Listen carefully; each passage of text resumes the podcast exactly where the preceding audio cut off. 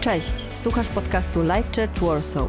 Wierzymy, że ten odcinek zainspiruje Cię do najlepszego i ekscytującego życia. Więcej informacji o naszym kościele znajdziesz na lifechurchwarsaw.com. Hej Kościele, dobrze Was widzieć, Maciek z tej strony. Zaczynamy dzisiaj, na początku listopada, nową serię kazań. Ta nowa seria kazań będzie takim tematem, który będzie unosił się w atmosferze tego wszystkiego, co będzie się działo online i offline w naszym kościele poprzez miesiąc listopad. Jakkolwiek polsko by to nie zabrzmiało, albo niegramatycznie, będzie to cały miesiąc wdzięczności. Wierzymy mocno, że ta seria, którą nazwaliśmy Wielkie Dzięki, będzie mówiła o tym i będzie skupiała się na tym, co najważniejsze, czyli o wdzięczności i co wdzięczność powoduje w naszym życiu. Dlatego, że sekretem pokoju, sekretem stabilizacji duchowej, sekretem dojrzałości duchowej jest zrozumienie tematu wdzięczności. Wobec tego wszystkiego, co się dzieje w naszym kraju, wobec tych wszystkich rzeczy, które są trudne, liczby zachorowań, protestów, ludzi, którzy są zranieni, ludzi, którzy są zmęczeni, protestów, które tak naprawdę mają wpływ na wszystkich, nie tylko na jednostki, ale na całe rodziny, na społeczeństwo, na grupy, na kościoły, na niewierzących, na wierzących. Myślę sobie, że chciałem dzisiaj poruszyć temat wdzięczności i pokoju i zacząć od tego.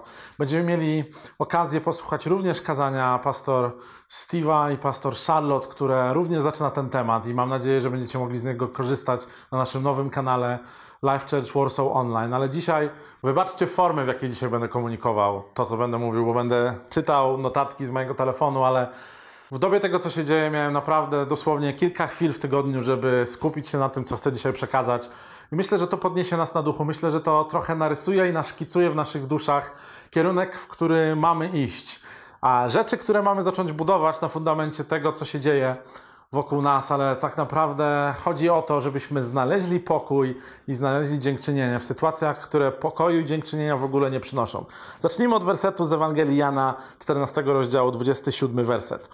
Pokój zostawiam wam, mój pokój wam daję. Daję wam go inaczej niż daje świat.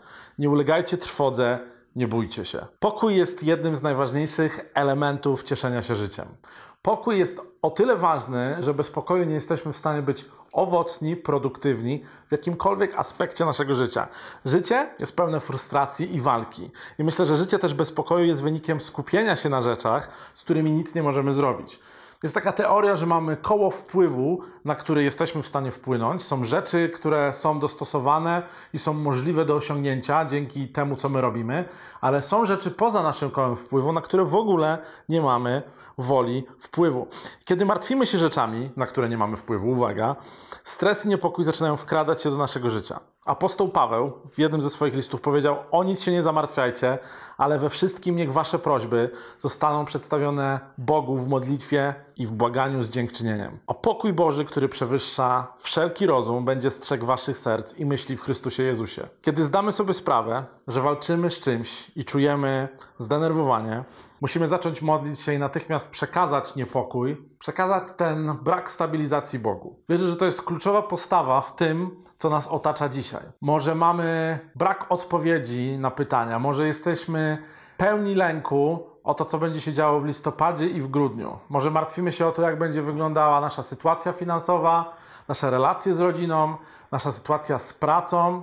Może zastanawiamy się, jak będzie wyglądała nasza izolacja albo brak tej izolacji.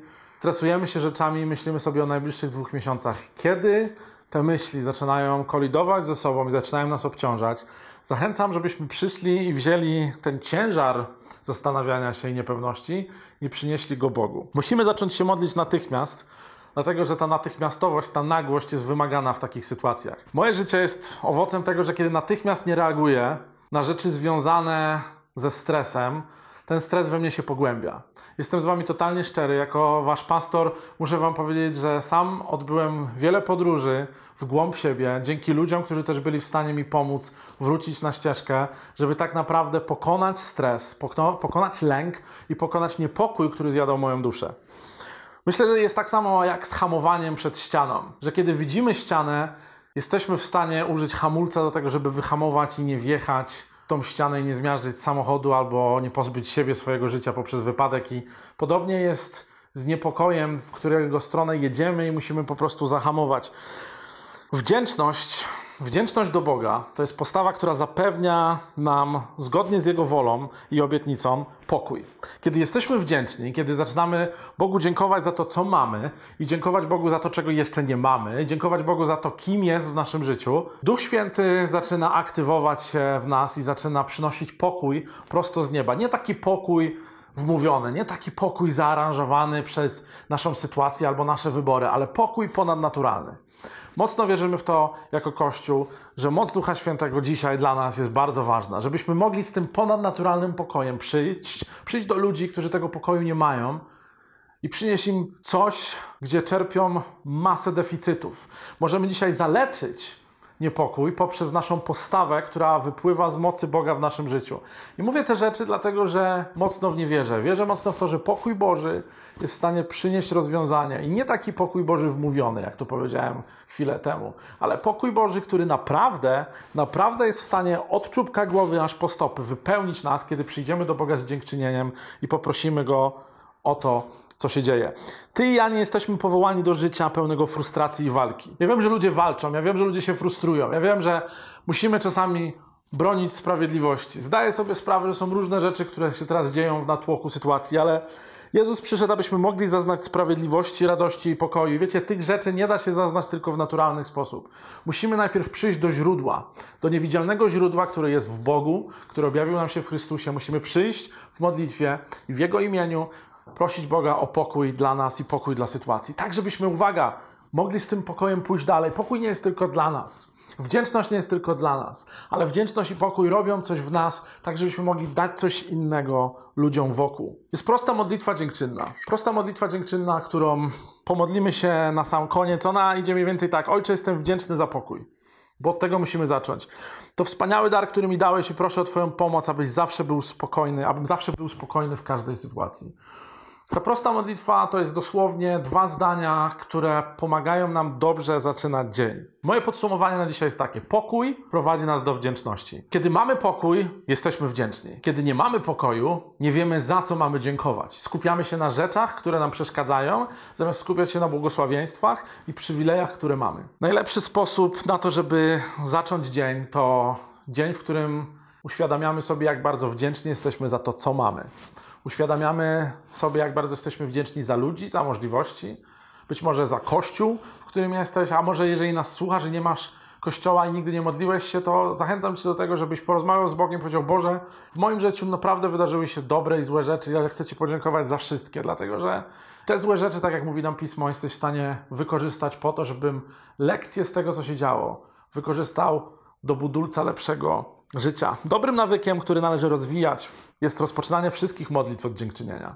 Nie ma znaczenia, w jakiej sytuacji jesteśmy, ale zawsze możemy Bogu podziękować, dlatego że dziękczynienie otworzy drzwi pokoju, otworzy drzwi lekkości, które sprawią, że naprawdę będziemy mogli funkcjonować podczas burzy. Jezus nie obiecał nam, że zabierze burzę z naszego życia, ale pomoże nam być w burzach i przejść te burze. Pokój, który jest nam w stanie dać, zanim burza się uspokoi, jest bardzo cenny. Jest tak cenny, bo jest w stanie zbudować nasz charakter, jest w stanie pozwolić nam przejść przez dni bez emocji, bez straty energii, bez stresu, bez popełniania niepotrzebnych grzechów i tak naprawdę bez ranienia ludzi wokół. Pokój przyniesie Ci dojrzałość, której dzisiaj bardzo potrzebujesz. Ile dziękczynienia wyrażasz każdego dnia? Czy tak naprawdę denerwujesz się?